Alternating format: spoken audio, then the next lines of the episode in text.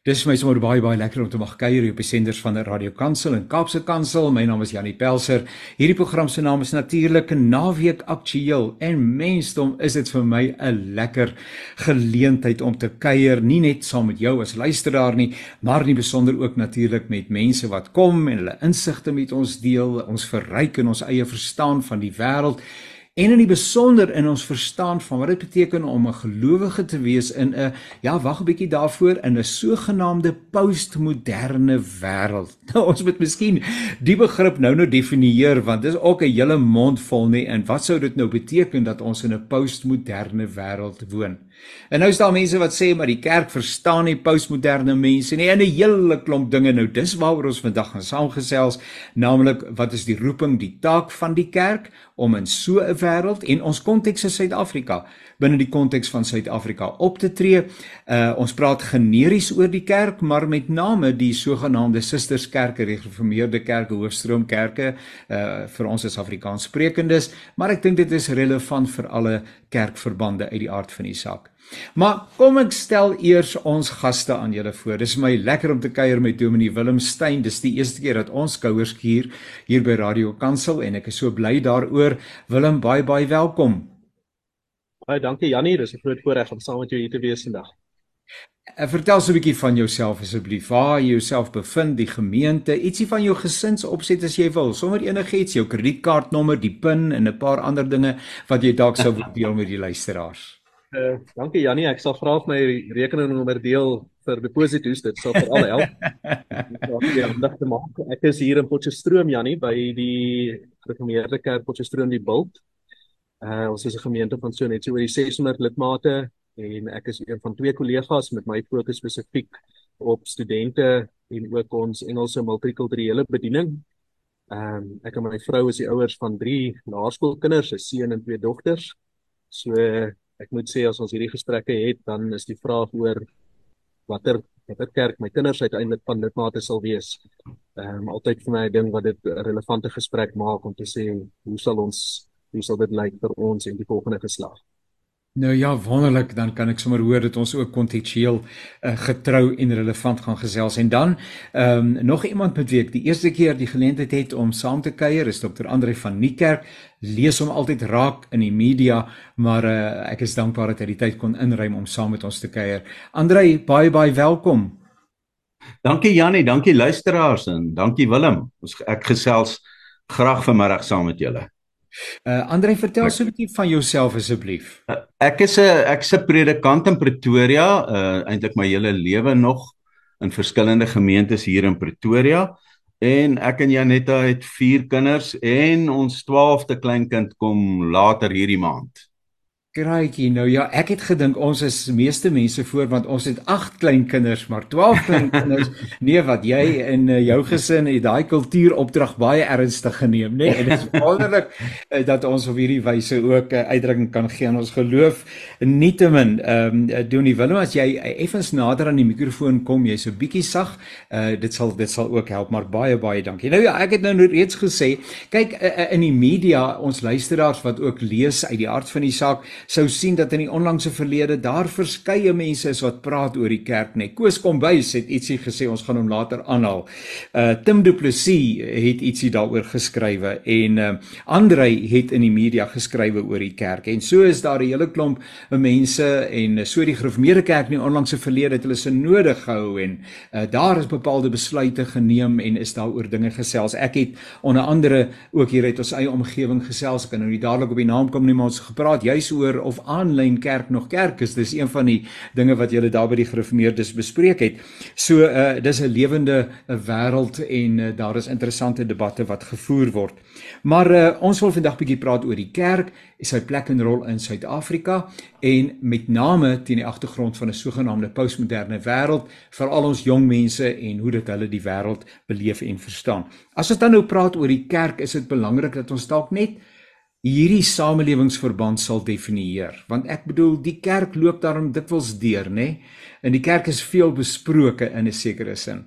Uh so wie is hierdie besondere groep mense? Wat onderskei hulle van uh, enige ander samelewingsverband? En Willem, jy en Andre moet net uh, uit julle hart het gesels ek is hier om van julle te leer maar kom ek begin by Andrei uh waarvan praat ons as ons praat van kerk uh Jannie uh, volgens my uh was die kerk oorspronklik 'n beweging van uiteenlopende mense rondom Jesus Christus en uh Jesus het vir ons kom uh wys hoe God is die die duidelikste ehm uh, kom ons sê beeld van hoe God is en wat God van ons verlang.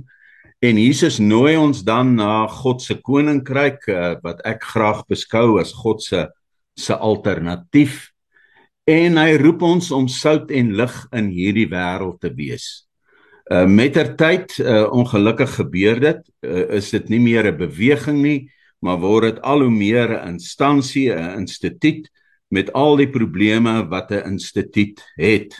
En uh, ek dink ons as 'n instituut wat nou vandag is of verskillende instituute want die kerk is ongelukkig ook verdeel, uh behoort moeite te doen om iets van die bewegingskrag, iets van die uh, uh van die oorspronklike rondom Jesus terug te kry en relevant in ons wêreld te wees.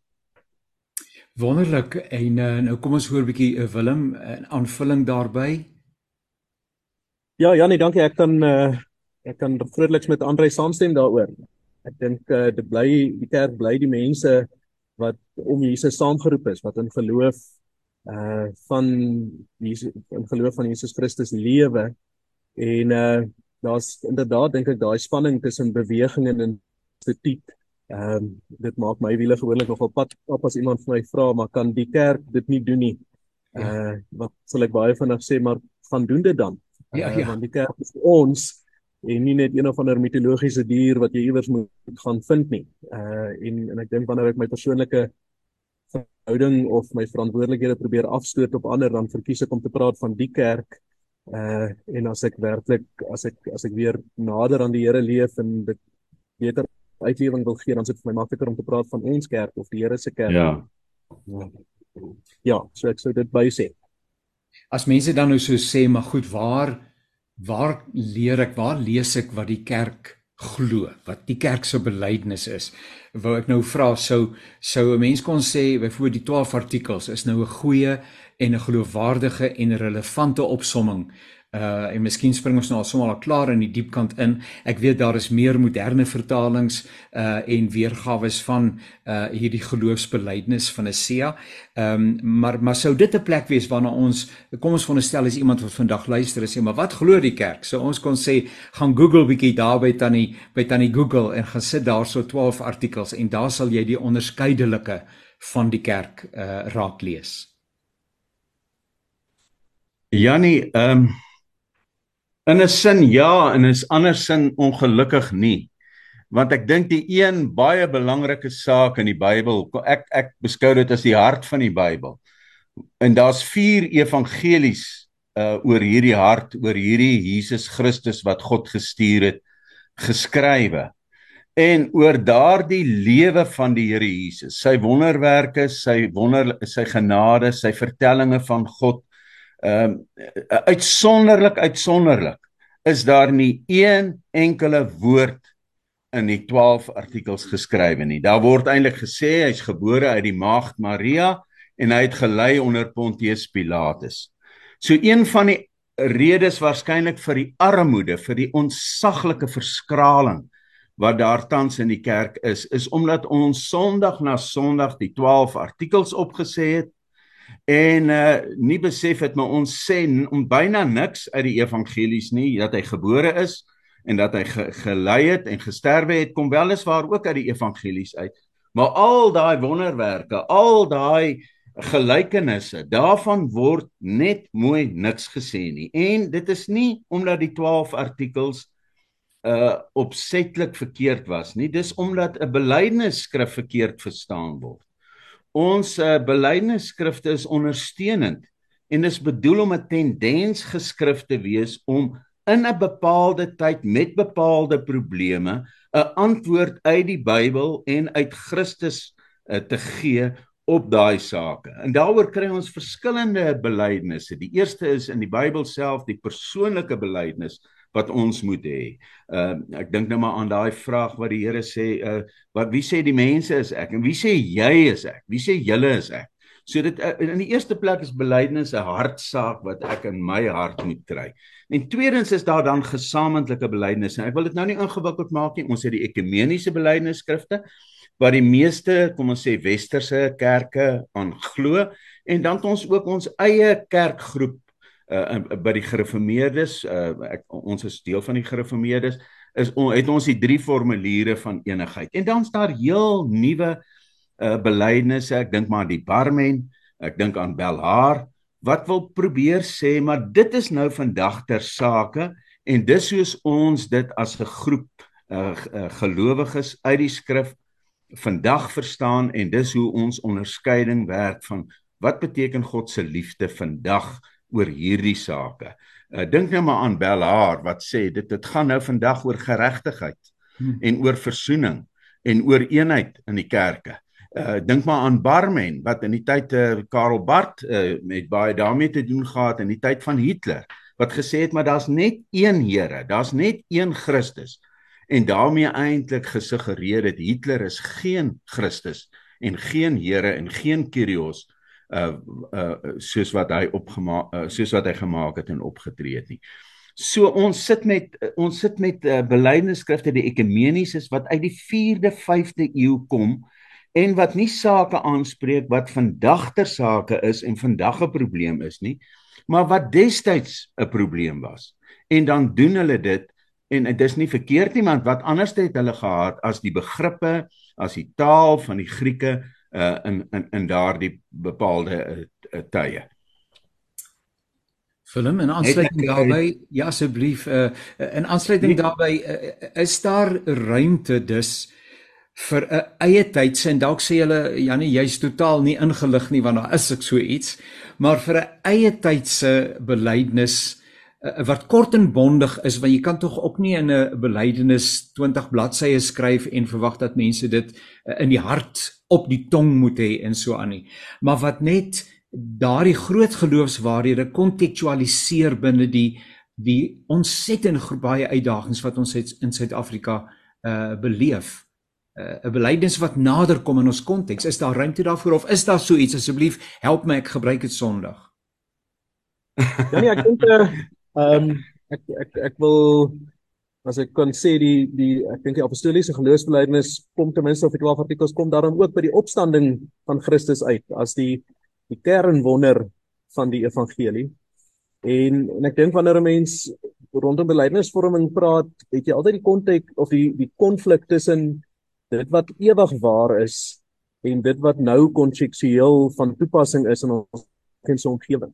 En so vind jy in die ekonomie ekumeniese belydenisskrifte soos die 12 artikels of die apostoliese geloofsbelydenis dink ek 'n uh, 'n kernformulering van wat die evangelie en die die die grondbasis grondwaarhede van die van die van die evangelie is ehm um, wat wat eintlik die toets van tyd deurstaan. Jy jy sal dit moeilik gaan inruil vir iets anders. So ek sou sê die een en ook die ander Ja. Want ek dink tog daar is ruimte vir noem dit eie tydse kontekstuele belydenisvorming. Ehm um, 'n mens kan in die ehm um, drie die die belydenisskrifte van eenheid byvoorbeeld sien 'n mens die hoe dit tyd belaai is rondom die reformatie en die die konflik tussen protestantse kerke en die rooms-katolieke kerk. En in sekere wêrelddele is dit vandag nog 'n meer brandende gesprek as in Suid-Afrika noodwendig en hier in Potchefstroom uh as sulks. Uh dink ek het ons ander vrae wat rondom wat belydenis vra vorming vra want dit is tog deel van die vreugde van kerk wees dat ons saam die woord van die Here kan lees en die Here saam kan dien en nie maar net dink ek in 'n heel postmoderne plek inval waar ek het my opinie en jy het joune en ander het syne en elke ou gaan maar net op sy gelukkige pad nie maar dat ons daardie eenheid wat die Gees tussen ons gesmee het soos Efesiërs 4 sê dat ons dit uitleef deur hoe ons ook prakties in ons eie kontekste uh in gemeenteverband of dan in vir kerkverband op van op klassies vlak of wat hun vlak of hoe dit ook al binne 'n dorp of 'n streek sou wees kan begin om belydenisvorming te doen soos wat dit in daai daai omgewing of konteks nodig is. dis interessant uh, Willem wat jy nou sê oor die eenheid van die gelowiges van die uh, ek dink die ortodokse geloof maak die meeste daarvan. Hulle het uh, weggebreek van van Rome as as Grieksprekendes. Konstantinopel nou van Rome wat Latynsprekend was. Uh, ek dink in 1025 soos 11de eeu en uh, hulle sê maar hulle kan geen nuwe uh, geloofsbelijdenis aanvaar nie want die kerk het toe gebreek en die gees lei ons as eenheid. So ons kan eintlik uh, hulle kan geen nuwe eie tydse belydenisskrifte aanvaar voordat die kerkeenheid nie herstel is nie. So hulle was nogal ook taamlik bedrywig en en in die ekumeniese bewegings uh baie ernstig geweest. Uh maar as 'n mens hulle sien dan lyk hulle amper soos uh, middeleeuse mense. Uh Uh maar onder ons en onder ons Afrikaners het ons 'n paar van hulle onder andere die filosoof Johan Rousseau waarvoor ek 'n uh, enorme respek het. Kollegas, as ons dan nou en, en jy die woord ook en trouens ons het die woord heeltyd heel gebruik uh, omdat dit die konteks is waarbinne ons Suid-Afrika maar nou nog nader ons as, as sogenaamde gereformeerde uh gelowiges. Ehm um, in die eerste plek, wat sou dit beteken dat ons sê dat ons gereformeerd is? Maar dan sê ons ons is gereformeerd, maar ons is ook reformerend. Uh die hele gedagte dat ons voortdurend besig bly met die soeke na na God en die waarheid rondom God. En nou sit ek hardop en dink, is dit waar ons uitdaging kom? uh, en waar ons met twee groepe mense te doen het. Die een sê, "Maar wat karring julle? Ons het mos nou klaar besluit." Uh ons weet mos nou wat ons glo en as iemand dan nou daaraan kom raak en sê maar ek wil op akademiese vlak, ek het iewers ook 'n program daaroor gedoen, op akademiese vlak 'n bietjie uh, uh, nadink, hardop nadink oor sekere dinge. Die persoon van Christus byvoorbeeld, die verlossings en leer en dis meer dan is daar 'n ontsettende stuk ongemak want hoe durf jy kom karring aan iets waaroor ons klaar besluit het maar het ons oor enige iets klaar besluit? In elk geval wie's ons om te besluit? Help my bietjie. Julle ek so blyk is by julle slim mense besig. Want wie's ons nou om oor God te besluit? Is dit nie juist die voorlopigheid dan demonstreer dit die voorlopigheid van ons denke oor wie God is en wat sy sy uh, gedagte met hierdie wêreld is nie? Reformerend en gereformeerd.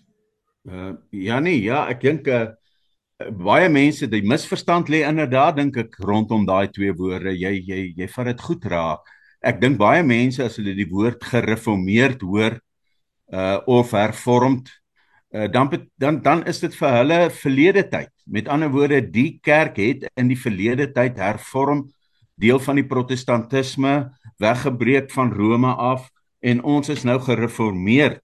Maar dis nie die regte bete ware betekenis nie. Miskien is dit ook 'n bietjie 'n probleem in ons Afrikaanse taal dat ons nie altyd 'n duidelike verskil het tussen verlede tyd en teenwoordige continuous tense nie. Aan ja. aan eenlopende tyd. Wat wat is die naam nou daarvan? Want oorspronklik het ons gesê Ecclesia Reformata semper reformanda. Dit beteken 'n gereformeerde kerk is heeltyd besig om meer en meer te hervorm, om gedurig deur vrae te vra, krities te wees oor ons verstaan vroeër, want ons is immers sondige mense wat selfsugtige neigings het heeltyd en wat uh, wat heeltyd die die woord op 'n manier by ons eie styl wil laat pas en nie wil baie goed en dieper luister nie. En nou sit ons nog in die tyd wat dit 'n baie onsekere tyd maak en dit is ja. vir baie mense baie makliker. Uh en, en dit is geriefliker en dit is dis dis moeiteloos om sommer net ehm um, die ou waarhede om dit te vat en daarbey te staan. Ek, ek mens begryp dit. Ons moet natuurlik respek hê want die Heilige Gees het destyds vir die mense in daai tyd so geleer.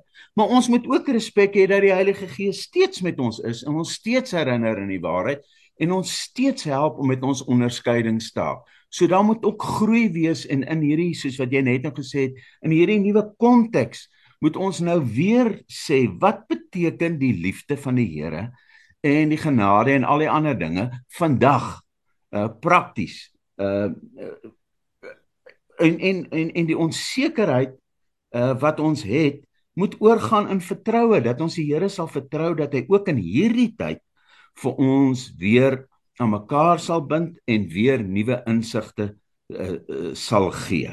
Uh laat ek net dit sê. Ek ek dink een van die probleme lê rondom die hele woord geloof. Uh en ons verskraal geloof sedert die moderne tyd en dit wil die postmoderne tyd of die laatmoderne tyd 'n bietjie weer herstel dink ek. En en en en geloof was vreeslik rasioneel gesien.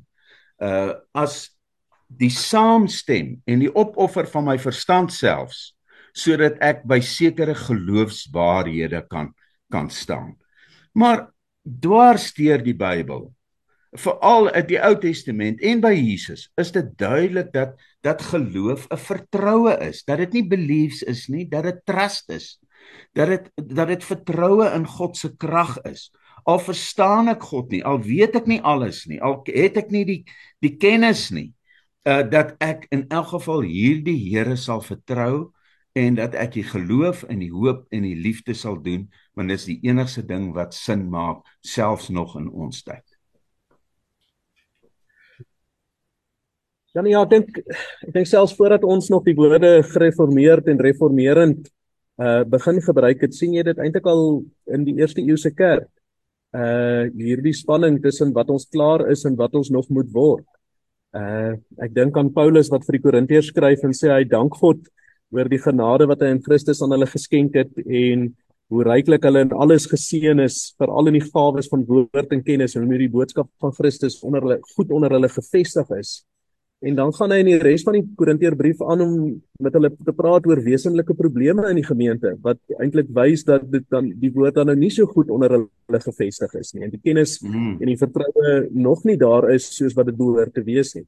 En ek dink op die manier gaan jy altyd die weer 'n spanningsveld het tussen die twee terme. Ek dink dis hoekom ons dalk rondval ook tussen die twee. Daar is 'n deel van reeds gereformeerd in Christus nuwe mense uh wat op sekere vaste waarhede wat die woord voor deur sy woord aan ons openbaar staan.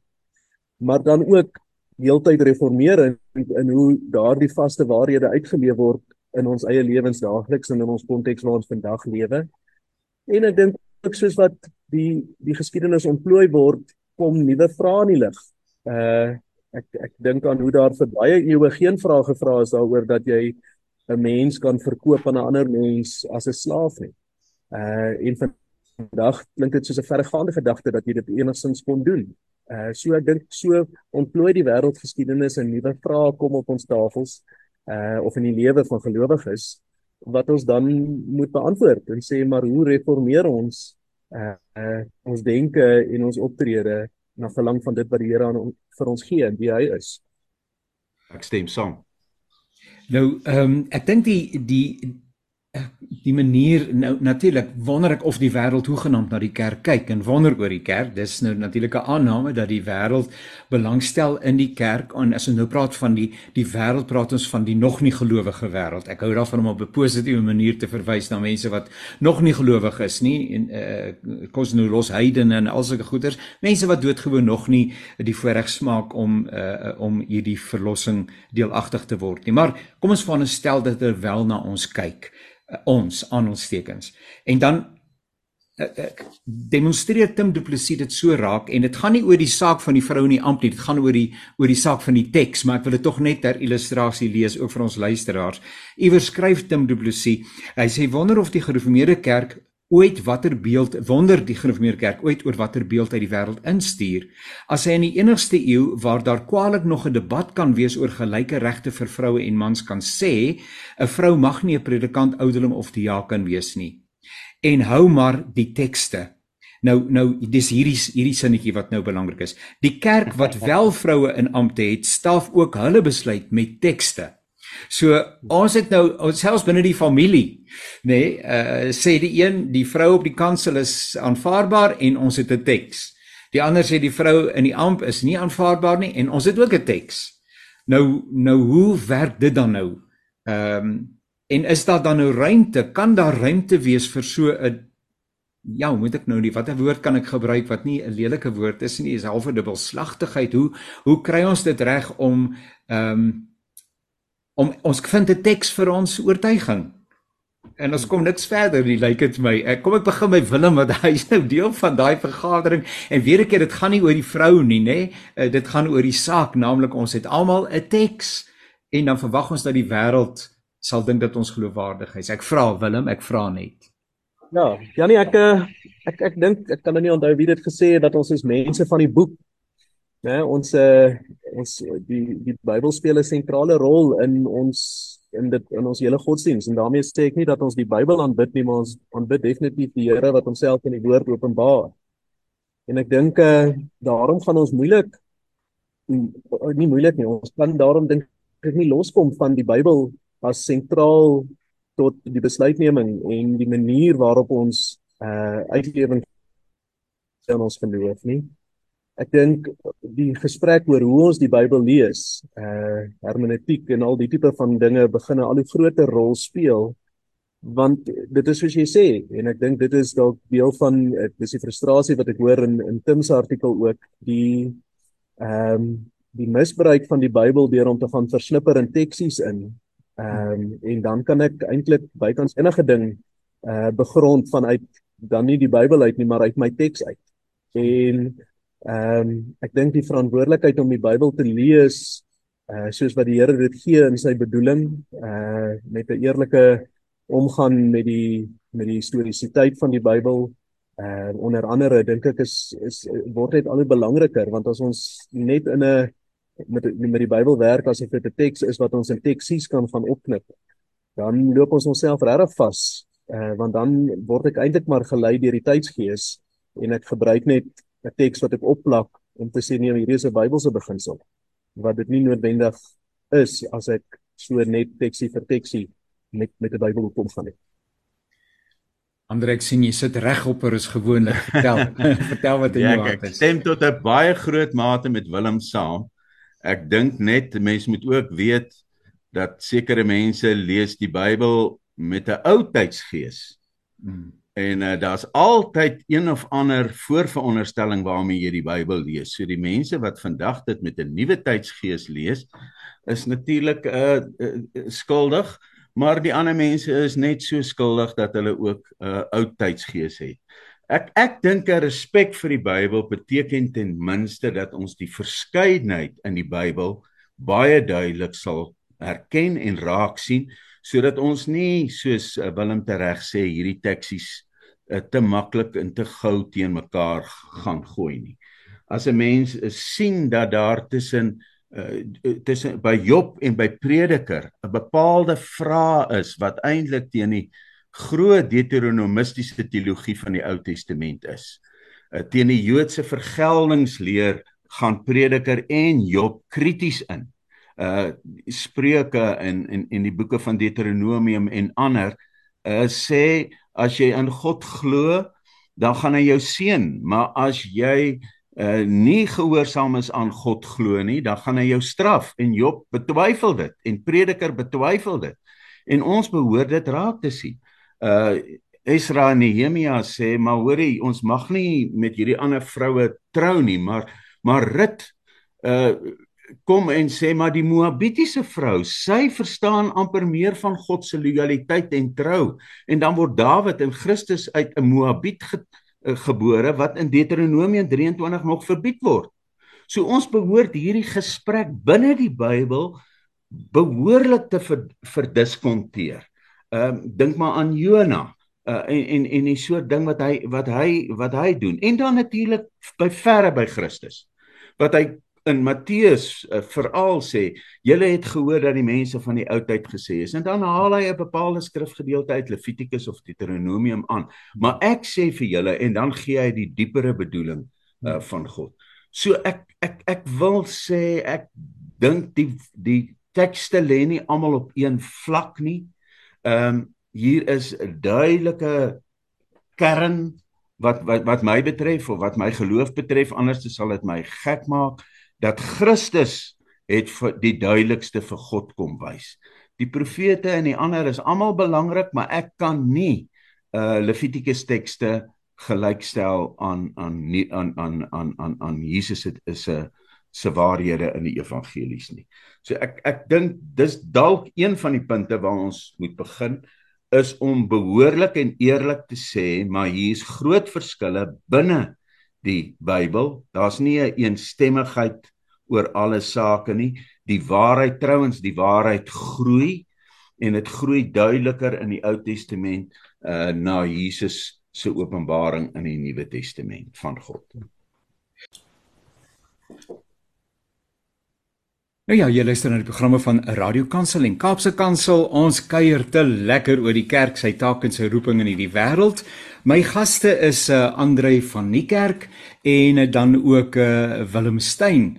En uh ons het nou al ver gevorder om te praat oor uh, wie en wat die kerk is, die belydenis van die kerk, uh en dan ook uh, hoe dat die kerk met die Bybel omgaan, uh die voorlopigheid daarvan en tog ook die sekerheid daarvan en 'n klomp dinge wat daarmee verband hou en ek noem net weer 'n keer dat miskien het jy nou eers ingeskakel dat die programme van Radio Kansel ook hierdie program as 'n potgooi beskikbaar is by www.radiokansel.co.za naweek aktueel en uh, dan kan jy uh, dit natuurlik in sy totaliteit gaan luister ook met ander mense gaan deurpraat. Nou ons het hier in die begin Koos Kombuis se naam genoem, nê? Nee, hy's natuurlik 'n 'n baie interessante persoon en uh, Koos uh, het ook sy eie idees oor dinge en hy skryf en dalk nie heeltemal sonder meriete nie en ons gaan bietjie net vinnig daaroor kuier. Ek haal aan hy sê dat ehm um, die kerk en veral ouers moet na jong mense se nee dit wag laat eers nou hier kom. Ehm um, Koos sê dat ehm um,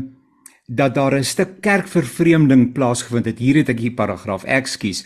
'n Hele geslag jong Afrikaanse mense ploeter in 'n eksistensiële vakuum voort. O woorde is al mooi, nê? 'n Eksistensiële vakuum voort. Die ou gode het gesterf en hulle vind geen nuwe gode om die plek van die oues in te neem nie.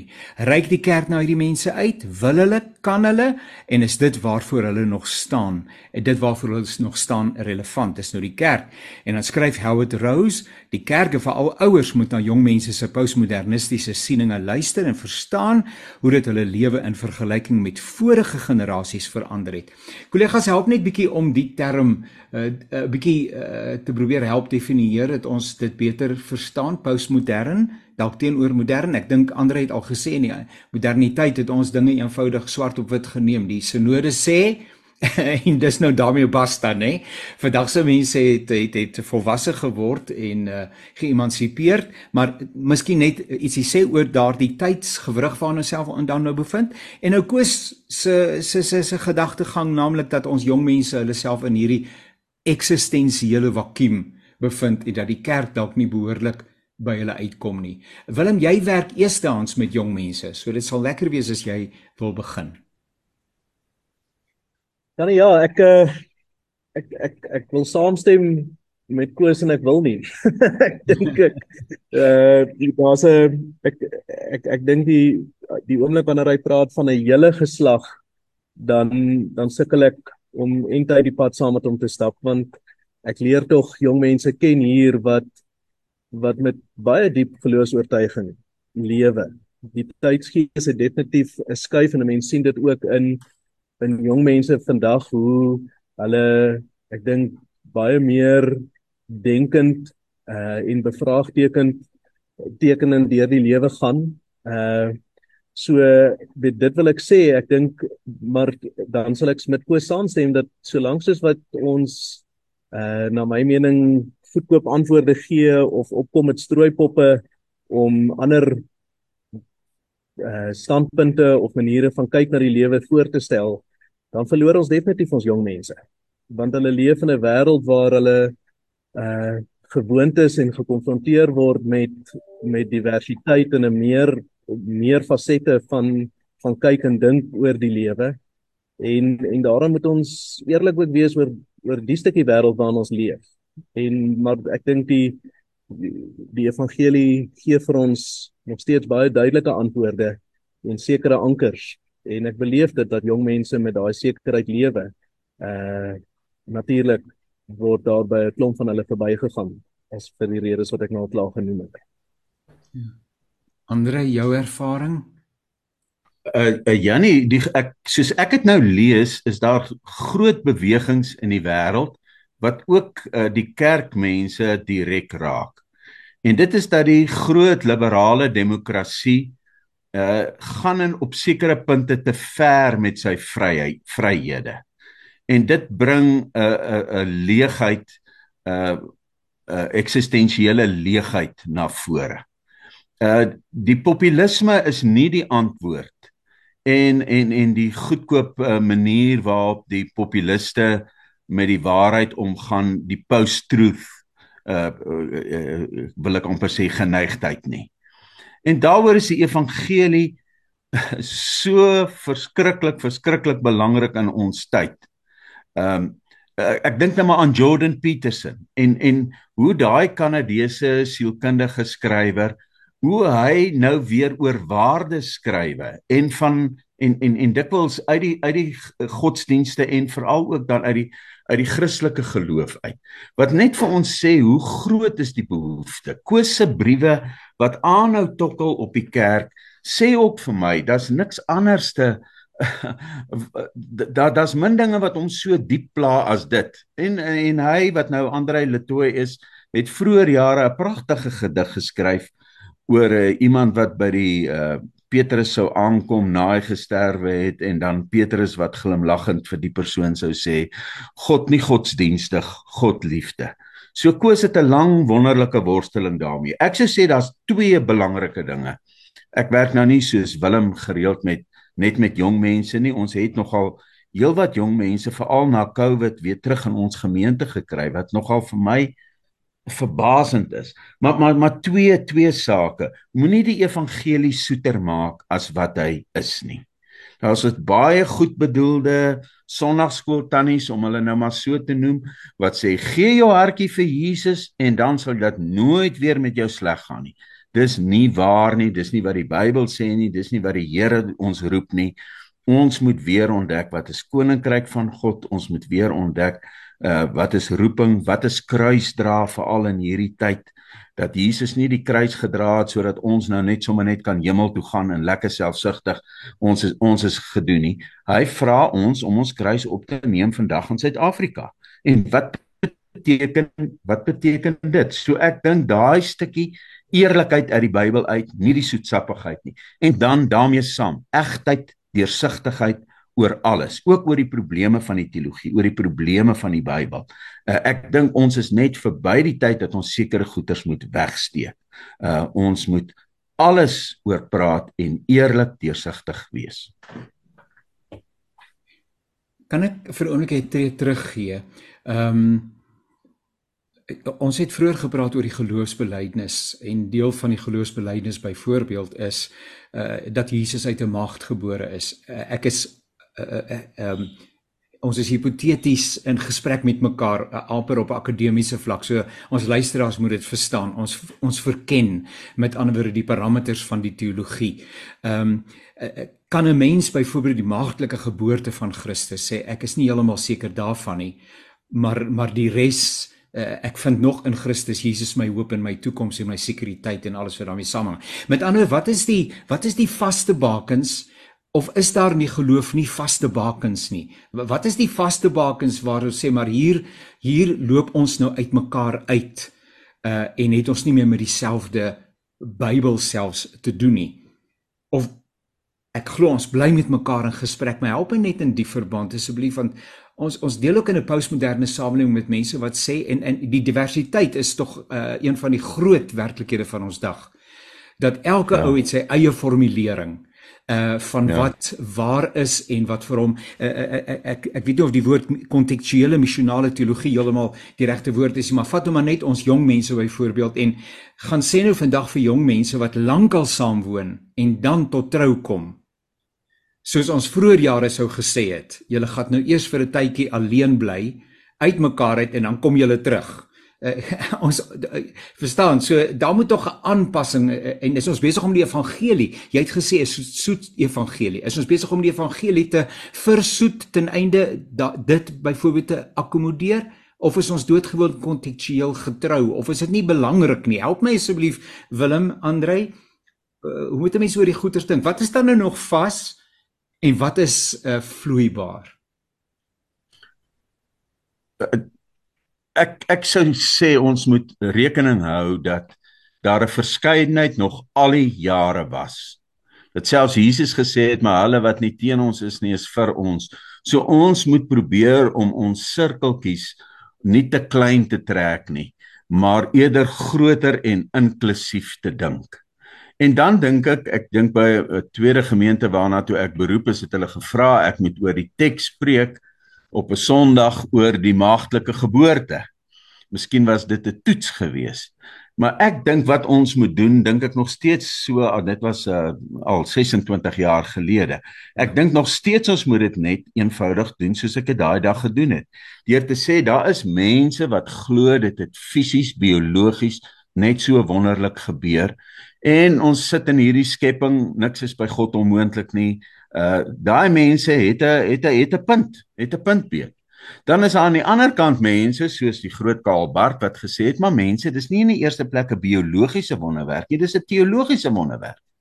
Hoekom sou die mense van die antieke tyd dit gesê het? En kom ons verduidelik dit. En wat is die woord wat in jy in in in in in die Ou Testament vir maagd gebruik word?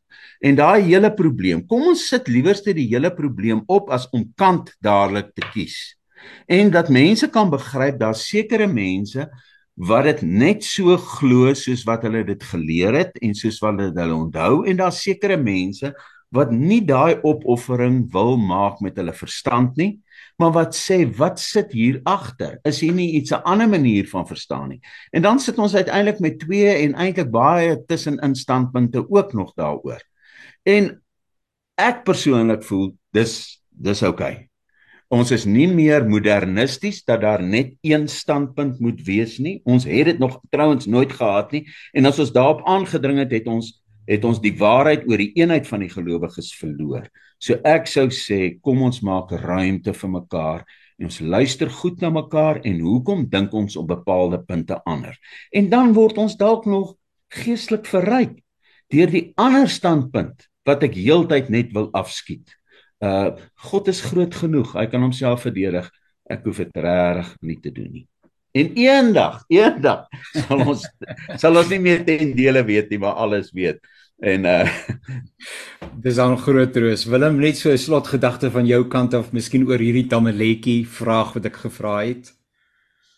Ja, Janie, ek uh ehm um, dink die uitdaging bly dat uiteindelik word die, in die evangelie ten diepste die wonder van Christus se opstanding uit die dood uit verkondig. En nou kan jy besluit watter heuwel voor daardie heuwel jy gaan kies om te sê okay ons hoef nie op hierdie een te sterf nie. Uh laat vaar dan maar die fisiese maagtelike geboorte of laat vaar dan maar die fisiese menswording van van Jesus of van Christus. Maar iewers moet jy dan kom tot by die opstanding. En en vra glo ons werklik in die opstanding uit die dood uit. En ek dink dit is die kernpunt van die evangelie. En deur die eeue is daar geglo in 'n fisiese opstanding uit die dood uit. En as ek daaraan vashou, dan word om vas te hou aan 'n maagtelike geboorte en aan die menswording van Christus kleiner heuweltjies uh in die pad na die groot dieptepunt van die evangelie toe. Ehm um, en ek dink aan Andre se opmerking vroeër oor 'n evangelie wat nie soetsappig gemaak word nie. Ehm um, ek dink baie keer gee ons vir postmoderne mense op te veel krediet asof ons vir die eerste keer in die geskiedenis is mense is wat wat denkend is en wat uh moes worstel met hierdie.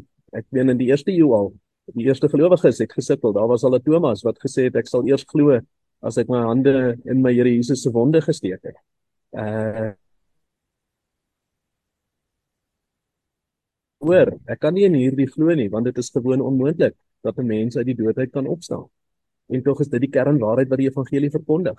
Ehm um, en ek dink dit dit dit is waar die krag van die boodskap lê.